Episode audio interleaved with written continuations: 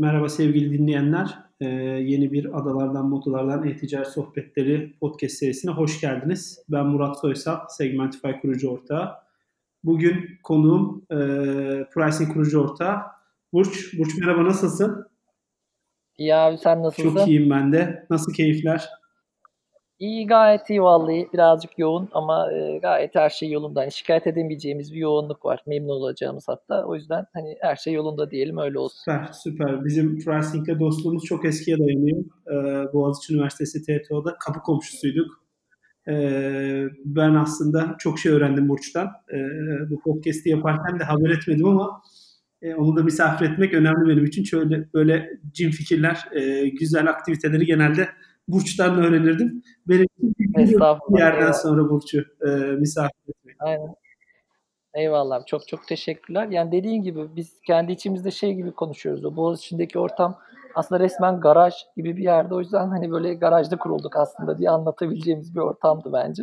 Güzel günlerdi gerçekten. 4-5 sene geriye dayanıyor aslında bu bahsettiğim. Aynen öyle. Ee, düzenli dinleyicilerimiz bilir. Ee, genelde konuklarımı e, daha çok konuşturmaya çalıştığım, bence podcast'in doğasına da uygun olan bir e, tarzımız var. Ama bunun ilk birkaç dakikasında e, Adalardan Modalardan ismine de yakışıyor olsun diye benim burada Londra'da e-ticaret dünyasına e, ait gördüğüm küçük haberleri paylaşarak biraz sohbeti ısıtıyorum. E, dilerseniz biraz onunla başlayayım. Aslında bugün için iki tane notum var. E, birincisi son dönemin çok moda aslında e, işlerinden birisi olan e, till free yani işte cashless, e, parasız ödemesiz e, marketler, dükkanlara bir örnek katıldı ve ilk gerçekleşti aslında Londra'da. Sainsbury's, buradaki önemli süpermarket zincirlerinden bir tanesi. Holborn Circus'ta e, kendisine ait bir, bir e, grocery shop'ta aslında e, ödeme sistemlerini mobile geçirerek kasiyersiz dönemi başlattı. E, ben de haberi okuyunca podcast serisi öncesinde bir gidip e, deneyimlemek istedim, tecrübe etmek istedim. E, bununla ilgili e, aslında çok keyifli oldu. E, birkaç parça meyve alıp çıktım ama e, zevkli bir e, süre oldu benim için de. Umarım e, çok daha yaygınlaşacaktır. Onu da görüyorsunuz ne kadar rahat olduğunu aslında sürecin. Bir ikincisi de aslında birkaç sene önce Türkiye'de de popüler olan e, Marka Foni'yi hatırlıyorum. E, Ataşehir'de Nova'da AVM'de vardı bir, bir pop-up store açmışlardı. E, kötü haberlerini almadan önce Marka Foni. eBay e, yeni bir pop-up store açacağını bildirdi. E, Midland yani e, orta bölgelerinde e, İngiltere'nin e, kendi e, programlarına dahil ettiği 40 tane satıcısıyla beraber e, bir deneysel ve kısa dönemli bir pop-up store açacak. E, aslında tabii biliyoruz bir e-ticaret devi e, eBay'de. Onlar da e, ticareti e, geleneksel ticaretle buluşturma noktasında tecrübelerini e, küçük aslında satıcıların paylaşmasını sağlayacağını düşünüyor. Buradan da e, açıldığında store ben de gidip ziyaret etmeye çalışacağım. Gene deneyim, deneyimleri paylaşırız. E, olarak sadece Türkiye'de olduğunu düşünmeyelim. E, bu e-ticaretteki daralmanın neredeyse son 3-4 podcast serisindeki bölümde bahsediyorum. E, gene işte buranın High Street'indeki e, bunalım devam ediyor. E, maalesef bizim de müşterimiz olan e, Scandium e, e, yüksek maliyetli, üst kalite mobilyalar satan bir müşterimiz. Dört tane fiziksel dükkanı, e, iyi, hacim olan da bir ticaret sitesi vardı. Onlar geçen hafta administration'e devredildiler ve e, tüm operasyonları durdurdular. E, yaklaşık 45 kişi işten çıkarıldı orada da. Tabii üzücü haberler bunlar. E, ama e, İngiltere'de çok sıkışmış durumda ticaret. Özellikle offline tarafta büyük maliyetler olan mağazalar bu sorunu yaşıyorlar. E, umarım e, burada daha kötü haberler e, veriyor olmam. E, bunlarla başladık. Burç yavaştan topu sana atayım. Biraz tanıyalım mı seni? Sen, sen neler yapıyorsun? Kimdir Burç tanır? Hem de pricing hikayesi nasıl başladı?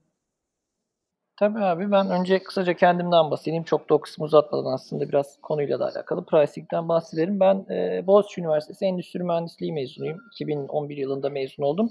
Mezuniyetin akabinde açıkçası bir, yani bir yere işe girip orada çalışma şansım ve yani niyetim de olmadığı için ya şansım vardı da tam olarak niyet etmediğim için o şansı yaratmadığım için birkaç arkadaşımla aslında böyle bugünkü Slack benzeri bir e, product geliştirme hevesine girdik. Yani bayağı aslında B2B şirketlerin kendi içindeki böyle yazışma, e, bayağı Slack'i anlatıyorum aslında. Dinleyenler Slack'i biliyordur muhtemelen repeat olmasın.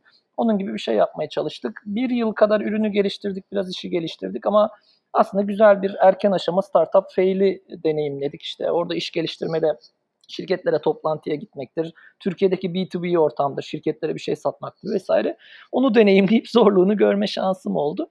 Akabinde aslında böyle küçük bir süre bir yerde çalıştım. Çünkü hani biraz maddi durum icabı hani ortada bir para yok, bir iş geliştirmişsiniz, batmış, tutmamış. Bir yerlerde çalıştıktan sonra tekrar girişmek anlamında aslında bir tekrar niyet e, içimde oluştu. Bu noktada biraz daha hani yine konuyla da alakalı e, büyük bir pazar arayışı içine girdim. Yani kabaca aklıma bir fikir gelsin onu hadi yapayım gibisinden ziyade hani şu an dünyada ve Türkiye'de aslında hangi pazarlardaki problemler çözmeye değer, ileride daha değerli olacak vesaire gibi bakınca e-ticareti biraz gözümüze kestirdik aslında. Gözüme kestirdim diyeyim. E, sonrasında biraz daha odaklı şu an e-ticarette ne gibi problemler var? Hani aslında Segmentify'in çözmeye çalıştığı problem güzel bir problem. Amazon'un yapabildiği çok güzel tavsiyeler var, işte kişiselleştirmeler var gibi gibi hani bunların herkese sunulması iyi bir problem ve çözümdü. E buna benzer bir şekilde de aslında birçok e-ticaret sitesinin hani o günde bugün de fiyatlandırmayı hala tam olarak çözemediğini fark ettim. Yani çözememekten kastım da çok manuel süreçlerle karlılığı çok da arttıramayacak şekilde fiyat yapmış olmak için herkes fiyat yapıyordu. Orada çok e, spesifik olarak böyle insanların rakip sitelerdeki fiyatları tek tek elle ziyaretlerle takip ettiğini, Excel'ler derlediğini, sonra da Excel formülleriyle fiyat yaptığını görünce bunu hem Türkiye'de hem globalde de valide edince yani bunun hakikaten böyle olduğunu bunu otomatikleştirmeye e, karar verdik. E, burada da pricing adında aslında şu anda da birebir aynı şeyi yapan hani tam bir pivot yaşamadan e, e-ticaret sitelerine otomatik rakip fiyat takibi ve üzerine de fiyat optimizasyonu sağlayan bir SaaS ürünü geliştirmeye başladık. İki teknik ortağımla birlikte kurucu ortağız, üç kurucu ortağız. Ben, Samet, Şirin şeklinde kurucu ekip 2013'ten beri aslında bu ürünü geliştiriyoruz. E, flash forward yaparsak da bugün aslında pricing hali hazırda 50'den fazla ülkeden 500 e, tane yaklaşık e-ticaret sitesine aylık abonelik bedeli karşılığında SaaS modeliyle fiyat takibi ve fiyat optimizasyonu hizmeti veriyor diye özetleyebilirim abi. Süper e, hızlı bir özet oldu. Birazcık daha oradan e, e, devam edeyim aslında. Biraz tabii hedef kitlemizde benim çok gurur duyduğum e, yurt dışına açılmayı e, becermek yerine aslında bütün felsefesi yurt dışı e, pazarda olan startuplardan birisi pricing. O yüzden çok şey öğrendim diyorum Burç'tan. Bize segmentlerin e, yurt dışına açılması esnasında denediğimiz birçok stratejiyle, pazarlama stratejisi, büyüme stratejisi, satışma stratejisinde çok aslında kopyalamalar yaptım Burç'tan. Akıl yürüttük beraber. E, bizden de daha iyi yaptılar açıkçası orada. Daha hızlı e, büyüyorlar, globale gidiyorlar. Ama birazcık hedef kitlemiz tabii Türkiye pazarındaki e-ticaretle haşır neşir olan insanlar. O yüzden şey sormak istiyorum Burç. E, hedef müşterisi kimdir Türkiye pazarında pricing'i? Nasıl tanımlıyorsun? Abi şöyle aslında ihtiyaçtan yola çıkarsak yani hani demin dedim ya insanlar bu işi elle yapıyormuş, tek tek takip ediyormuş. Ya biz şöyle anlatıyoruz. Aslında sattığı ürünü Google'a yazdığında onlarca sayfa, hadi onlarca abartmayayım ama birkaç sayfa boyunca aynı ürünü satan başka başka sitelerle karşılaşan her e-ticaret sitesinin pricing'e ihtiyacı var diyoruz. Çünkü tüketici için de birebir aynı durum söz konusu. Yani bir bebek arabası alacaksınız markalı. Hadi reklam olsun müşterimiz Kikko marka İtalyan bir bebek arabası gözünüze kestirmişsiniz. Google'a adını, modelini yazıyorsunuz veya herhangi bir yere e, aslında alabileceğiniz onlarca yer var. E-Bebek'tir, Joker'dir, yine reklam olsun kullanıcılarımız. Hani bunların sitelerinde farklı farklı fiyatları bu ürünler satılıyor. Dolayısıyla bu Google'lanabilir, yani başka yerlerden de satın alınabilir markalı ürün satan her ölçekten e-ticaret sitesi pricing'den faydalanabilir diyebilirim. Yani farklı farklı ürün dedi zaten kullanım seçeneklerimiz var. Yani az ürün takip etmek isteyen az para ödüyor çok büyük siteler, çok büyük operasyonlar doğal olarak daha scalable, daha büyük böyle paketlerle ilerliyor. Bir de yeni bir aslında gelişme birazcık. Hani hizmet tipini de birazcık e, hizmet seviyesine göre ayrıştırdık diyeyim. Şöyle açayım. Hani bazı kullanıcılar sadece fiyat takibini yapıp ondan sonra kendileri bunu analiz etmek istiyor. Bazıları full her şeyi otopilota alıp hani rakiplerin fiyatını takip edeyim, kurallar tanımlayayım, işte algoritmik pricing yapayım, otomatik fiyatlarım değişsin diyebiliyor. E, bu spektrumda dolayısıyla hani teknolojik yatkınlığı diyeyim çok gelişmiş şirketlerden görece çok yolun başında ama bu markalı ürünleri satan COBİ'lere kadar geniş bir yelpazede hizmet veriyoruz aslında. Ya dolayısıyla şöyle özetleyebilirim. Markalı ürünlerin, kıyaslanabilir ürünlerin e-ticaretini yapan herhangi bir kategoriden firma e, doğal olarak fiyat yaptığı için, rekabetçi fiyat yaptığı için pricing'den faydalanabilir. Geçen hafta e, Orkun'la konuşmuştuk Iziko'dan. Aslında tabii büyük bir customer e, base'inden bahsediyoruz. Çok farklı.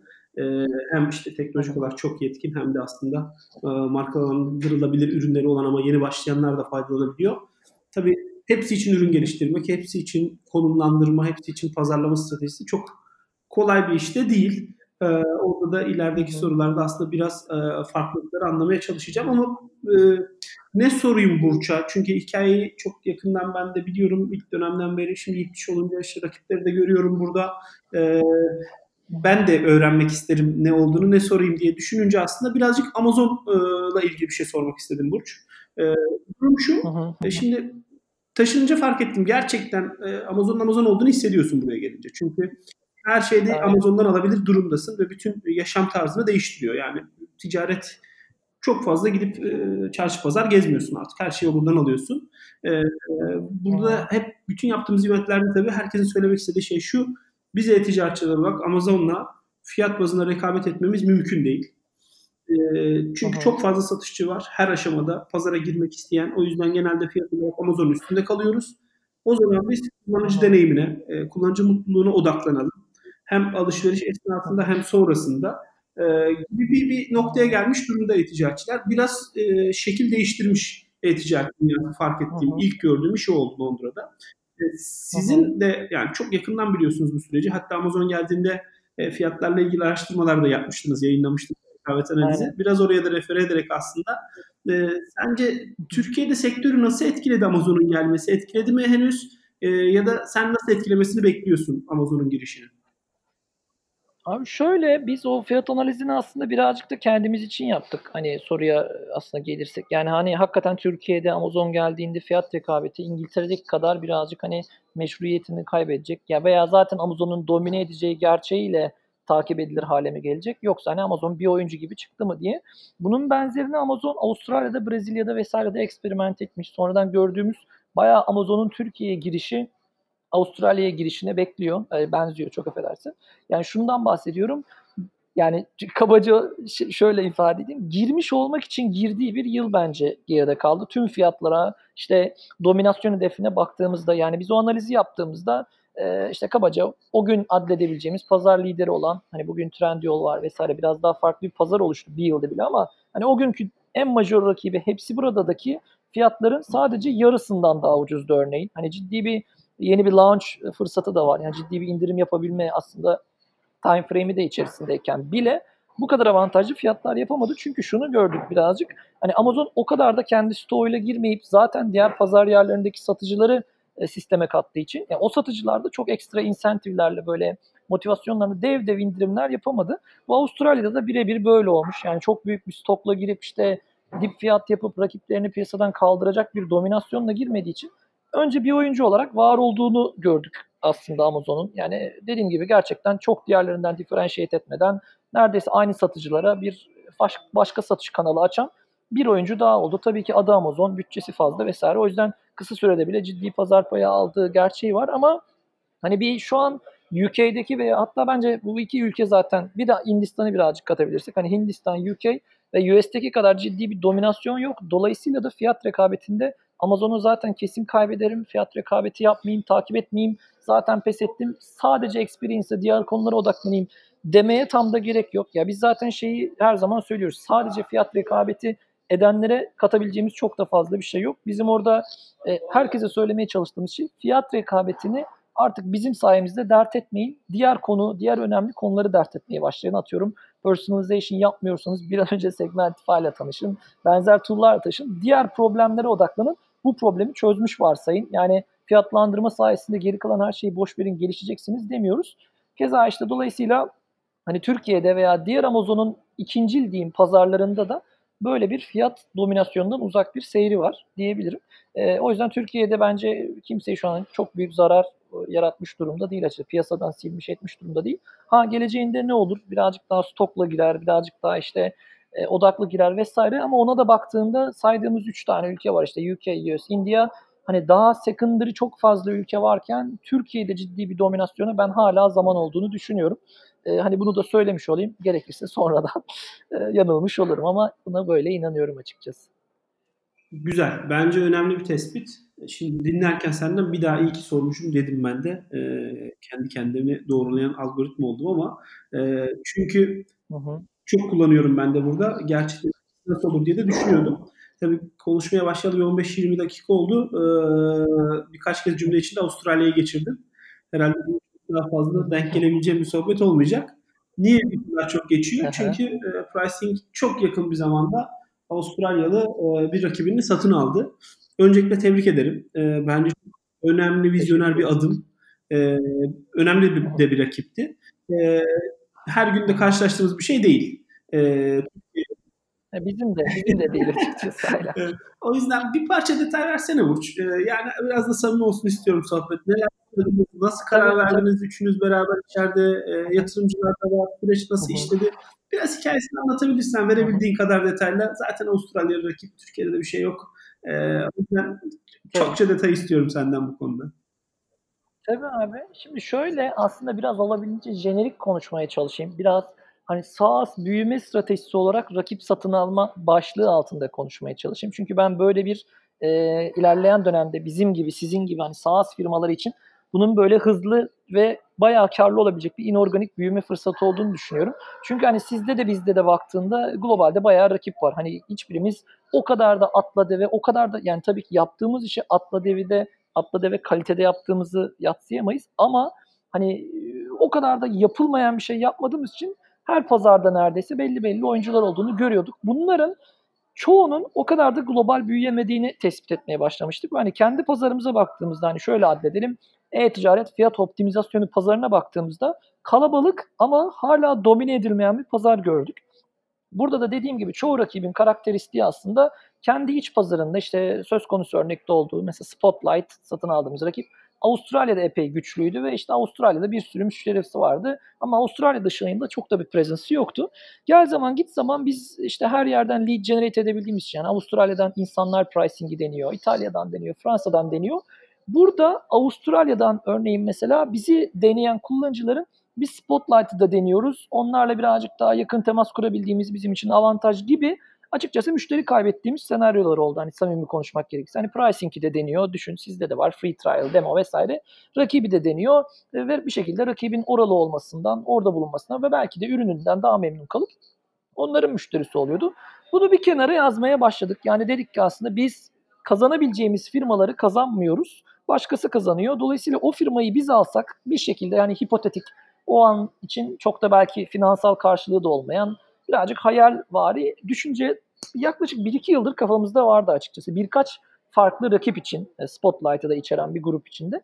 E, sonrasında açıkçası bu e, bizim global büyümemiz hızlandığında, birazcık daha finansal kabiliyetimiz, işte gücümüz arttığında bunun uygulanıp uygulanamayacağını biraz anlamaya başladık. E, yani fizibilitesini resmen yapmaya başladık ve şu, şu naiflikte açıkçası AdWords'e veya herhangi bir müşteri kazanım kanalına şu kadar para harcıyoruz, şu kadar müşteri kazanıyoruz, talep topluyoruz vesaire şu rakibi çok büyük bulk toplu bir paraya alsak şu kadar müşteriyi inorganik bir şekilde birdenbire kazanacağız. Bu çok daha karlı olabilir miyi anlamak için firmaların ben LinkedIn'den işte kurucularıyla, CEO'larıyla küçük küçük LinkedIn'den ekleşmeye başladım. Konuşmaya başladım. Ama bu direkt tabii ki şey egosuyla ve böyle e, nasıl desem tatsız bir şekilde sizi satın almak istiyoruz. Hadi fiyat söyleyin gibi değil de niyetin nedir, nasıl gidiyor vesaire gibi insanlarla önce arkadaş olmaya başladım ki hani oradan bir şey çıkabilir mi diye. Spotlight bu ulaştığımız firmalardan henüz değildi açıkçası. Yani onlara da ulaşmayı düşünüyorduk. Spotlight bir holdingin küçük bir iştirakiydi açıkçası. Yani hani borsaya açık bir şirketin faaliyet alanlarından biriydi. E, o zamanlarda Spotlight'tan biri aslında bize de ulaştı. Yani biz tam ulaşma listemizdeyken onlardan da çok jenerik bir mail geldi. Böyle böyle bir değerlendirmemiz var. Hani ilgilenir misiniz Spotlight'la vesaire gibi. Tam ben de onun üzerine işte bizde gerçekten böyle bir düşüncemiz vardı. Ne yapabiliriz diye en sıcak ilişkiyi onlarla kurduk. O ilk yani çıkardığımız bir liste vardı. Bunlara da ulaşalım diye. Hala da inşallah hani buradan da potential müjdesini vermiş olayım deyip ilerleyen dönemde buna benzer aksiyonlar almaya gayret edeceğiz. Birkaç tane daha mümkün olursa. Neyse o listenin en tepesine birdenbire Spotlight geldi. Onlarla yakın temas kurduk vesaire. İşte açıkçası bir kere bile yüz yüze görüşmemiz gerekmedi. Bu da değişik bir ekonomik gerçek aslında. Hani Türk bir şirket, Avustralya'da bir şirketi sadece Skype yoluyla ve sadece tabii ki dijital imzalar, işte para transferi vesaire yoluyla satın alabilmiş oldu. Bu da değişik bir tecrübe oldu. E, her neyse orada belli bir due diligence, hani herhangi bir yatırımda olabileceği gibi hani şunu demek istiyorum. Bize vaat ettiklerinin gerçek olup olmadığını detaylı dijital bir şekilde etüt ettik. Yani müşteriler hakikaten var mı yoksa bu paravan bir şirket mi vesaire. Müşterilerle biraz konuşup yazışıp vesaire. Rakamda şunda bunda ikna, karşılıklı ikna ve anlaştıktan sonra e, açıkçası ilerledik. Uygulamaya geçtik. Yani şunu söyleyebilirim. Aslında anlaşana kadarki süreçten ziyade anlaştıktan sonra yani o şirketin hem ürünü birazcık hem işte müşteri kitlesini hem de e, çok kabaca lead database'ini yani bugüne kadar bu firmayı denemiş insanları içeri doğru çekmek daha zorlu ve aslında daha öğretici bir süreçti diyebilirim. O süreci yeni yeni aşıyoruz. Hatta hani Mayıs sonu gibi bir deadline'ımız vardı. E, oralardayız birazcık. E, ya dolayısıyla tamamen dijital giden zaten global büyüme için hedeflediğimiz bir şeydi. E, bunu uygulamaya döktük aslında. Bizim için de bir öğrenme oldu. Yani becerebildiğimiz yerleri oldu samimiyetle. Zorlandığımız yerleri oldu. Çok böyle beklemediğimiz pozitif yanları oldu. İşte beklediğimizden e, az e, nasıl desem pozitif yanları da oldu vesaire. E, ama çok genel olarak e, olumlu oldu diyebilirim. Ama dediğim gibi çok şu naiflikte yaptık. Hani müşteri kazanacağız. İşte AdWords'tan bir müşteriyi bu kadara kazanıyoruz. Onun yerine en sayıda toplu şekilde şu kadar müşteriyi böyle bir aksiyonla kazanabilir miyiz dedik. E, ve çok şükür kazandık. Bayağı da pozitif o süreç, transition diyelim, e, ilerledi ve şu an hani kendi küçük halimizde aslında Avustralya'nın pazar lideri olmuş durumdayız. E, bu da hani değişik bir gerçek. Şu an e, orada oraya dair dolayısıyla e, hani bunun devamında da büyüme şeylerimiz, uygulamalarımız olacak. İşte o pazara yönelik ekip arkadaşları, işte oraya yönelik dijital pazarlama faaliyetleri vesaire. E, o doğrultuda gidiyor. Dediğim gibi umuyorum da e, aslında devamı gelecek bir ilk, ilk adım oldu diye özetleyebilirim. Bu işin biraz anlamak açısından şimdi e, kendini tanıtırken kısımda yaklaşık 500 civarı müşteri olduğundan bahsetmiştin en ülkede, Pricing'de. Aha. Bu sayıya Avustralya'daki hı. satın alma sonrası dahil olan müşteriler de dahildir diye tahmin ediyorum. Ee, yok açıkçası henüz dahil değil. Onları biraz Mayıs'la birlikte e, toplu derlemeye çalışacağız. Hı. Orayı ayrı götürüyoruz. Yani biraz dedim inorganikten kastım o aslında. Hani doğrudan doğruya büyümeye böyle katıp hani o ay çok büyümüşüz gibi yansıtmamak için birazcık da aslında onu biraz daha farklı götürüyoruz. Bir de hani kullanıcıların oradaki üründe aldığı şeyler bizden birazcık eksik veya fazla olan yerler olabiliyor. Hani kullanım senaryosu anlamında. Onları biraz denkleştirmeye çalışıyoruz. Ee, umuyorum o sayıyı biraz daha yukarı çekeceğiz. Tüm bu işte dediğim gibi ya şu şu çok güzel oluyor mesela. Zamanında bir kullanıcı işte bayağı bizim müşterimiz olabilecek bir e-ticaret sitesi bir sebepten hani bizim eksiğimiz bizden haberdar olmamış. Yani Google'a gidip competitor price tracking yazdığında örneğin pricing'e değil Spotlight'a kayıt olmuş, denemiş ama müşterisi olmamış. Şu an bizim o kitleye de erişim şansımız oldu. Ve o kitleden şimdiden bile hani bir hafta içinde iki tane müşterimiz oldu örneğin yani. E, bunu epey hızlandırmayı da arzu ediyoruz. Hani zamanında bunu bunu denemişsiniz ama memnun kalmamışsınız bir sebepten. Biz şimdi size hani Türk malı demiyoruz tabii ki ama doğrudan böyle hani daha güçlü olduğuna inandığımız pricing destek vermek isteriz. İncelemek ister misiniz dediğimizde çok güzel geri dönüşler almaya başladık. E, hani bu sürecin Mayıs sonuna kadar daha bayağı aktif geçeceğini düşünüyoruz. Sonra genel bir muhasebesini yapıp bunu ayrı bir şekilde bir KPI'laştırıp, tablolaştırıp öyle ilerleyeceğiz açıkçası. Peki bu satın aldığınız rakibin büyüklüğü ne kadardı size göre? Müşteri sayısı ve paylaşabileceğin ne var? Yani aslında şöyle direkt olarak o sayıyı paylaşmamamızda bir engel var. Eee, açık söylemek gerekirse. Hani bu dediğim gibi borsaya açık bir şirket, eee, hani borsaya açık bir şirketten belli bir satın alma aldık. Paylaşılabilecek detayları onlar söylüyor. Eee, ama çok genel şunu söyleyebilirim. Birazcık hani dinleyen ve SaaS girişimcilerine veya aslında biraz global iş yapmak isteyen herhangi birine şöyle bir özgüven vermek adına söyleyeyim. Yani dışarıdan göründüklerinden daha küçük olabiliyor global rakiplerimiz. Ya genel olarak e, özellikle global iş yapıyorken native English speaking pazarlardaki rakiplerimiz özellikle Amerika'da yani pazarlama katmanını o kadar iyi ekleyebiliyor ki gerçekten olduğundan çok büyük gözükmek standart gibi bir şey. Olduğundan çok büyük ve çok güçlü gözükmek. Bunu hani ürün anlamında da gözlemledik söyleyebiliriz e, ve potansiyel işte müşteri kitlesi ve her şey anlamında. Açıkçası tabii ki gerçek sayıları görüp satın almayı yaptık ama hani gerçek sayıları beklediğimizin altında bulduk. E, zaten onun üzerine birazcık daha şey e, ilerlememiz daha mümkün oldu vesaire. Yani normal sayıları söyleyemiyorum ama şunu demek istedim. Hani sizde de bence aynısı vardır abi. Hani baktığında bir tane rakip var publicly tüm müşteri sayısını söylemiyor bilmem nesini söylemiyor. Gereğinden çok büyük gözüküyor olabilir gerçekten. Yani bence bayağı başa baş seviyelerde filandır. Çünkü düşün yani sizin bir müşteriniz var. Aslında onu da kullanabilecekti ama onun yerine seni kullanmış. E, kabaca benzeri bazen onun içinde oluyor. Onun favor'ında da oluyor. E, ya biz en çok bunu gördük. Bu bayağı içeride güzel bir özgüven verdi. Yani bizim şu an gerçekten en büyük hedefimiz bu işi globalde dominant, globaldeki leading e, tedarikçi olarak yapabilmek. Şeyden ziyade hani bölgenin en büyük oyuncusu olalım. Tüm tedarikçiler işte tüm bizim gibi firmalar ilk dünyanın belli yerlerini paylaşsından ziyade biz inanıyoruz ki pricing bu pazarın hani şöyle söyleyeyim CRM'in Salesforce'u olacak. Etrafında da tabii ki hani monopoli olmayacak. Çok fazla rakipler olacak vesaire ama o dominant oyuncu buna benzer satın almalarla veya daha hızlı büyümeyle biz olalım. Çünkü neden olmasın ki gibi bir özgüven de sağladı. Hani bunu parayla tam olarak ölçemeyiz ama biz bu satın almanın içinde aslında bunu da satın aldığımızı Süper ya. düşünüyoruz. Çok iyi. Yani gurur verici. Elinize sağlık. Şimdi bir sonraki sorum da Eyvallah. e, bununla bağlantılı aslında. 5 yıl oluyor toplam macerasında Segmentify'in. İşte 4 yılı şirketleştikten sonra biz de sonuçta bir SaaS girişimiyiz. E, benim Türkiye'de gördüğüm çok net en iyi SaaS e, girişimci Burç'tur. E, bu, bu, bu şey kişisel bir tespit. Ben e, öğrenmeyi çok seven birisiyim. E, Eyvallah. sürekli öğrenmek için insanlarla konuşuyorum. E, bir iki tane de yatırımcı var. E, hatta yani bence bu, bu şeyde o samimiyeti yapmak istiyorum. Yani Cem Sertoğlu'nu çok beğendim. E, SaaS konusundaki feedbackleri. E, Bora ayrıldı şimdi e, gerçi Rebo'dan ama ben e, Bora'nın da çok SaaS konusunda e, fikirleri çok kıymetlidir. Bunların hiçbiri bizim yatırımcımızda değil aslında ama ben hani e, bulabildiğim herkesi konuşmaya çalışıyorum. O yüzden bu hem fikirleri hem de execution'unu çok beğeniyorum. O anlamda söylediği birkaç şeyin altını çizmek istiyorum. E, notlar aldım anlatırken. Yani birincisi e, maalesef e, Türk malı diyemiyoruz. E, bu kendi içinde iki tane şey getiriyor. Birisi gerçekten Türk teknoloji ürününün dünyada bir geçerliliği yok. Bir, bir marka değil. E, ama e, paralelde de şu var. İşte o özgüven e, işte biz e, bu domainin Salesforce olabiliriz dediği Burç'un. Bence kendi içinde ben de 20 senedir yaklaşık Türk yazılımcılarla çalışıyorum. E, bence kendi içinde aynı zamanda Türk malı da bir değer de getiriyor. Çünkü biz çok çözüm odaklı, e, yazılım Aynen. konusunda çok başarılı bir e, kültürümüz var aslında. O yüzden bence bir tarafıyla da e, Türk malı da çok güçlü bir e, söylem. E, bunu satarken değil ama yaparken kısmında.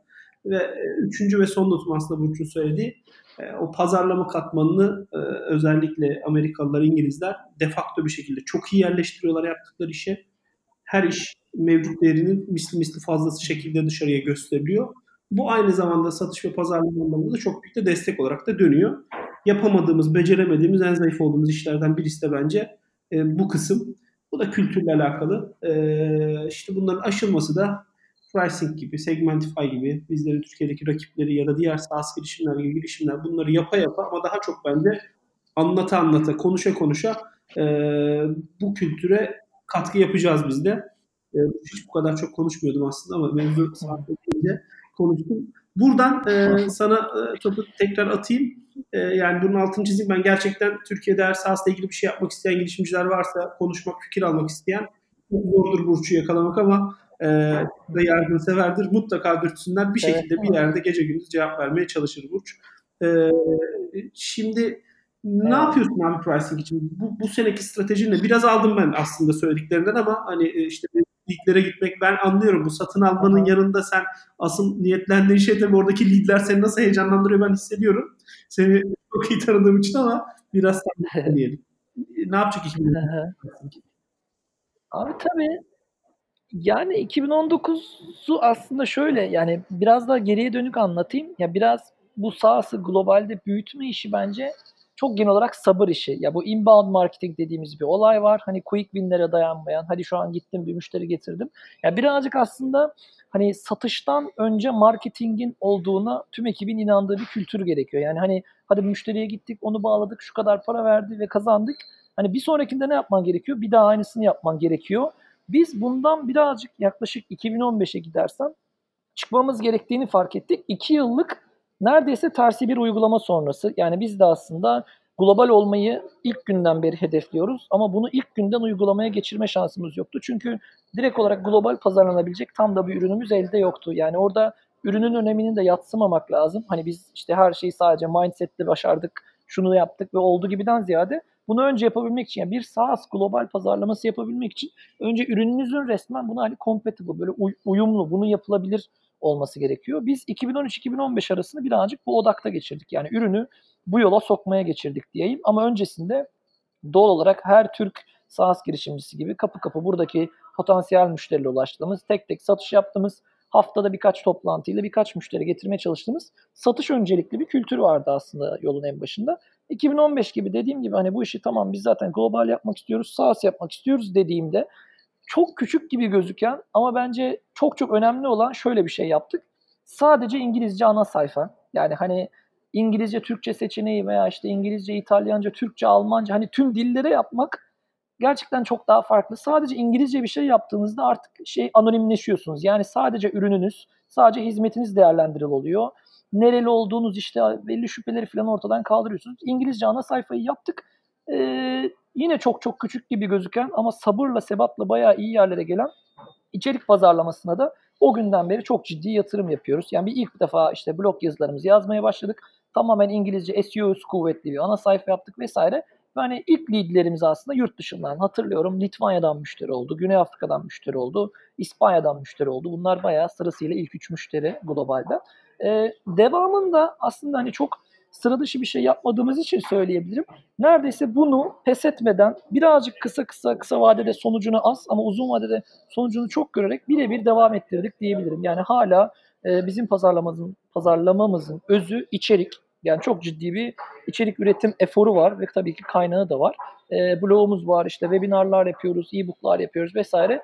Bu sayede insanlar hani bir tabii bu ille işte insanları böyle sitemize çekiyoruz, ağımıza düşürüyoruz. Çok böyle sevimli bir marketing faaliyeti gibi sound etmiyor böyle arka tarafta sinsi sinsi yazı yazdık hop yazıyı müşteri okudu geldiden ziyade biz gerçekten şeye bayağı inanmaya başladık. Hani bu da biraz Amerikan nosyonu aslında ama hani bu konunun eğitimcisi olmak gerçekten yani şöyle bir şey okumuştum.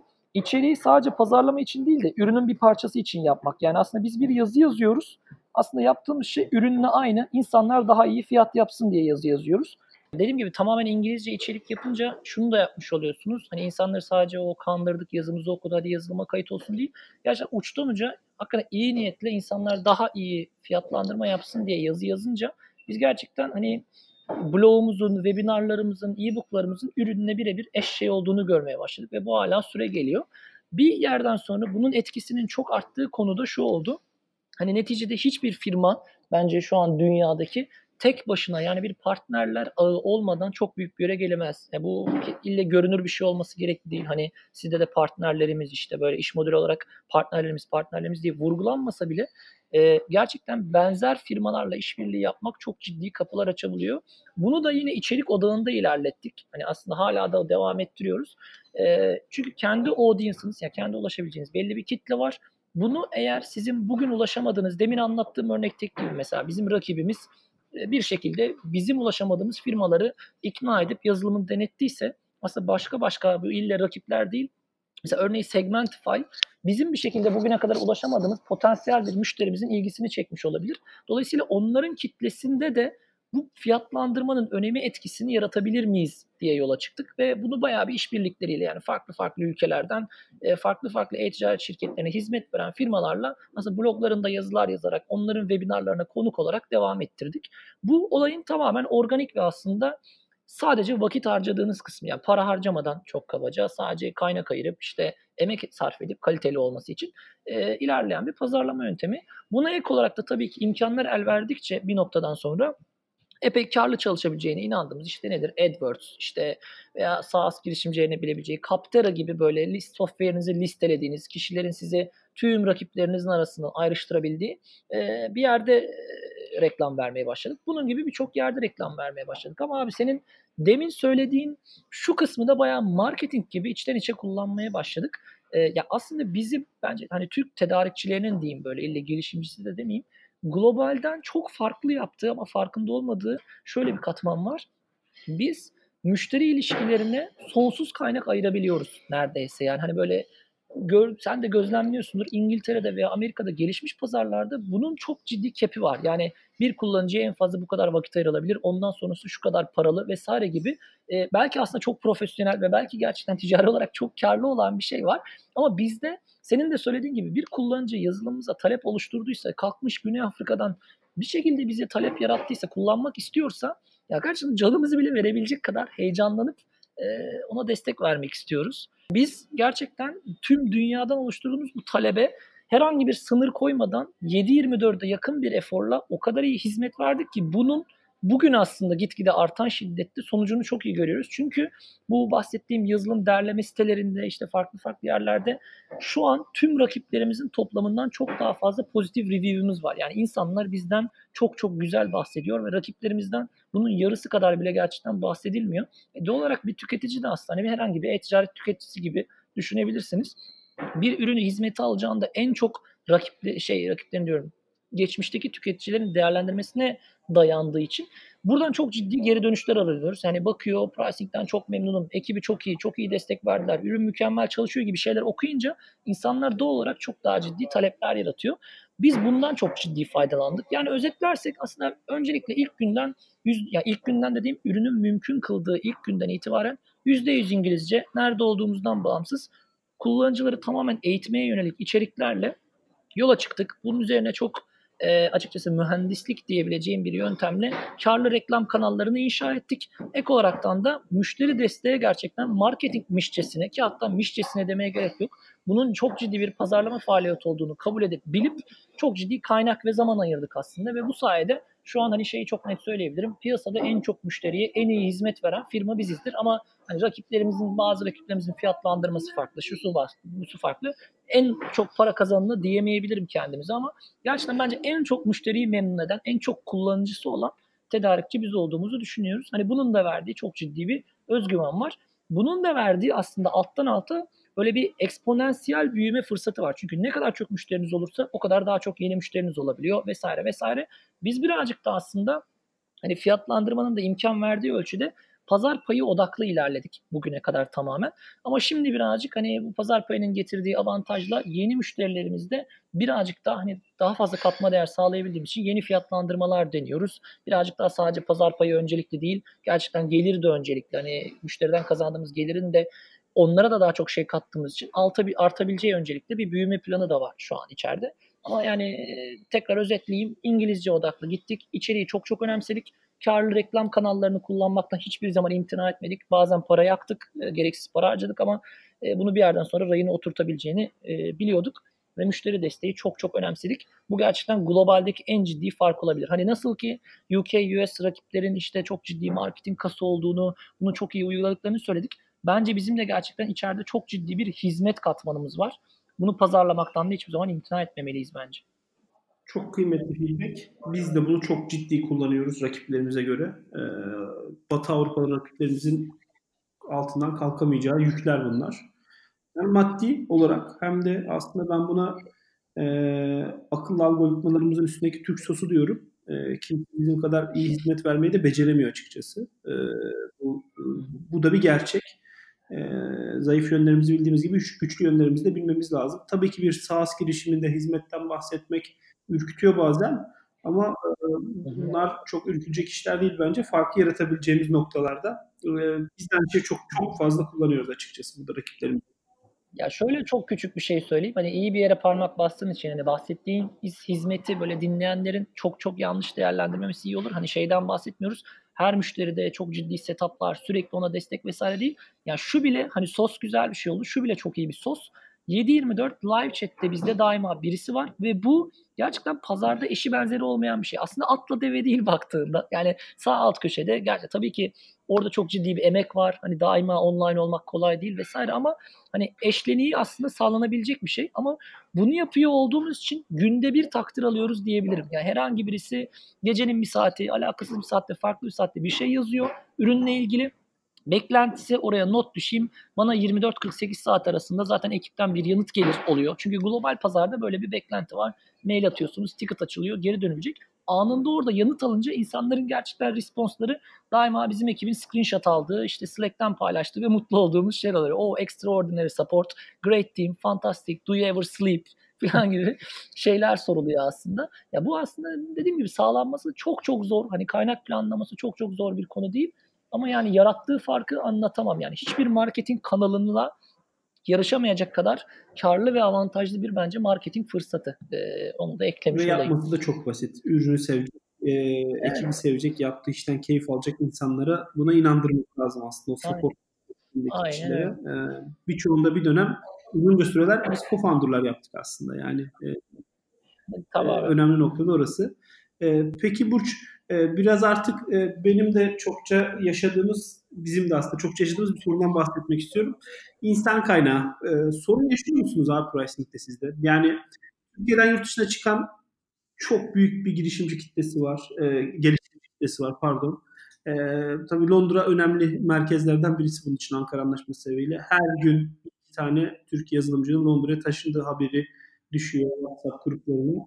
E, çıktısı olarak da biz de Segmentify'da iyi geliştiriciler bulma konusunda sorun yaşar duruma geldik açık. Abi biz de bayağı yaşıyoruz. Yani çok çok benzeri olduğu için aslında biz farklı bir şey yaşıyor olsak bence birazcık birimiz yanlış yapıyor olur diye düşünüyorum. Yani çünkü neticede ikimizin de aradığı ve aslında birçok aklı başında startup'ın aradığı, kendi içinde yarattığı o organik kültüre uyum sağlayabilecek, farklı farklı kültürler olsa bile bence yine bir filtre bu.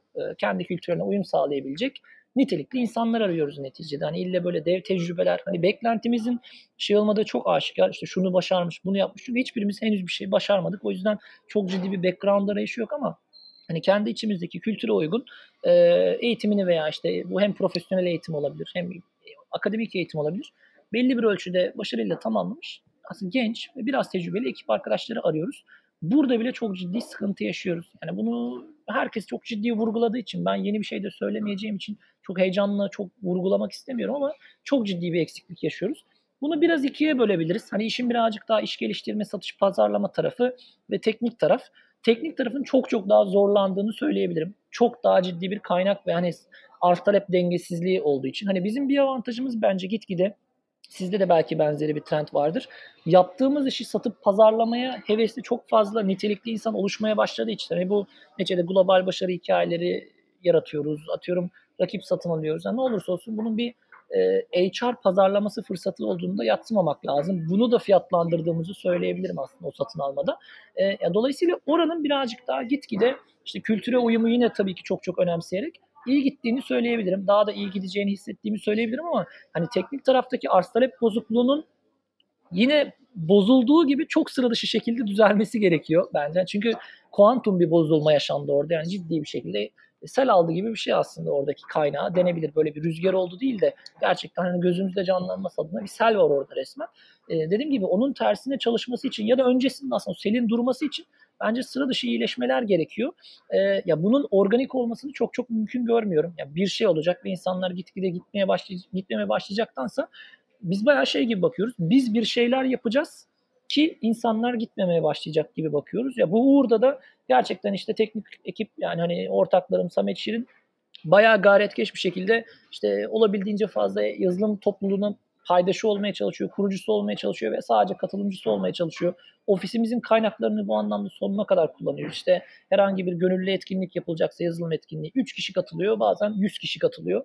Bunu gözetmeksizin ne kadar popülermiş, neymiş, neymiş tamamen kaynaklarımızı vermeye çalışıyoruz ki hani Türkiye'de de gerçekten gitmesen de çalışabileceğin ve global etki yaratabileceğin startuplar olduğunu bir kişi daha bilsin adeta. Dolayısıyla bu inorganik etkiye bayağı inanıyoruz. Yani bir şekilde dokunmazsak bu selin duracağı yok. Hani şirketler bazında da, insanlar bazında da.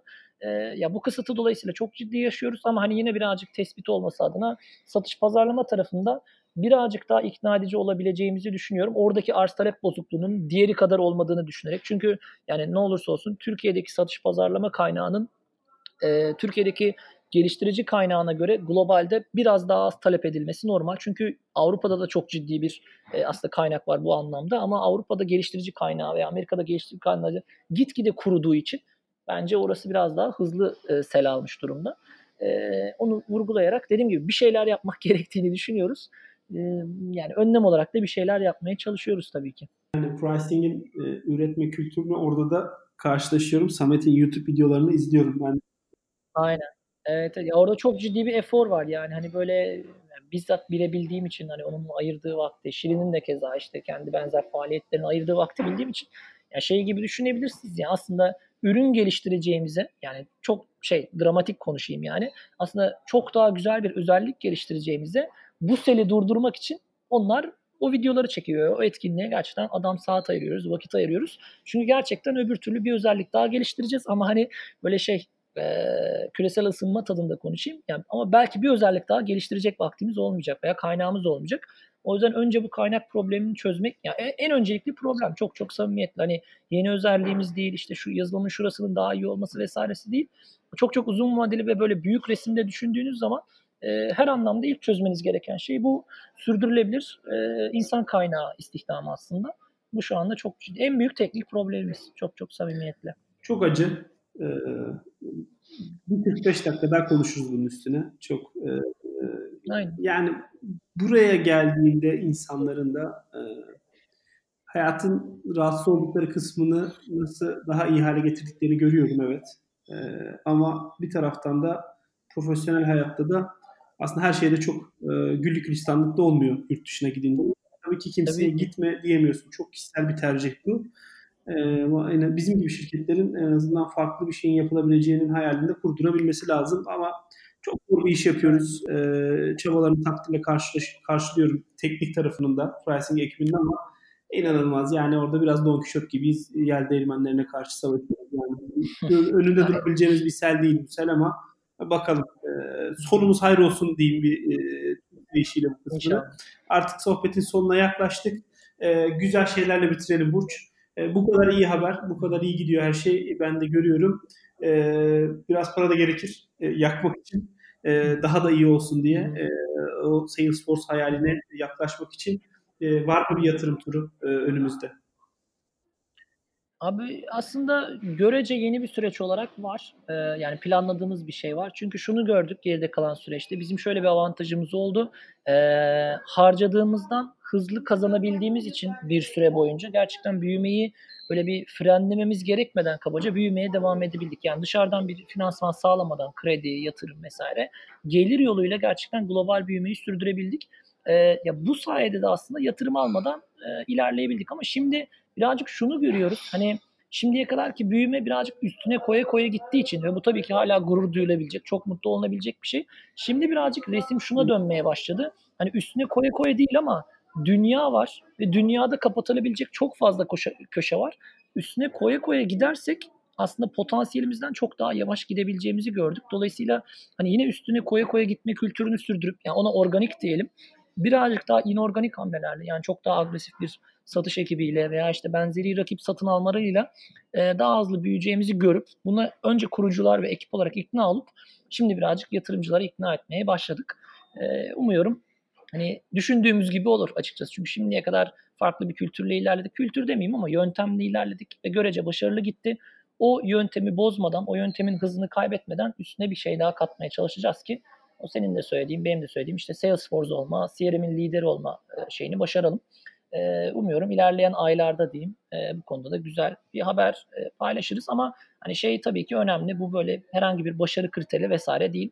Dediğim gibi bence öncesi yani çok naif samimi değerlendirirsek bence öncesinde yatırımsız yaptığımız büyüme hikayesi yatırım alıp yapabileceğimiz büyüme hikayesinden daha zorluydu ve bence daha düşük ihtimalli bir başarı yöntemiydi. Ben onu başardığımız için içeride çok ciddi bir gurur olduğuna eminim.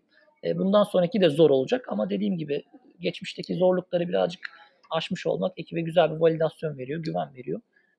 Senin de dediğin gibi inşallah daha güzel olur. Ee, önemli de bir kas geliştiriyor içeride. Ee, bootstrap yapabilme gücü de önemli. Ee, işler evet. e, yatırımdan evet. sonra da kötü gidebiliyor. Ee, o kötü evet. olduğunda da çok daha dirençli ayakta durabilecek aslında bir yapıya büründünüz. Bir kat, katman zırh oluştu evet. üstünüzde. Ben dışarıdan görebiliyorum. Çok keyifli, çok gurur verici bir e, durum. Umarım çok daha iyi olacak. E, böyle iyi hikayelere ihtiyacımız var. Öğrenilmişliklere, paylaşmalara sonra da bunu. E, çok teşekkür ediyorum Burç davetimi kabul ettiğin için. E, bunları paylaştığın için bu güzel haberleri. Hepimizin ihtiyacı var. E, güzel, daha güzel haberlere. E, başarısızlıkları dinlemeye de tabii yapamadıklarımız daha doğru olacak. E, var mı son söylemek istediğin bir şey?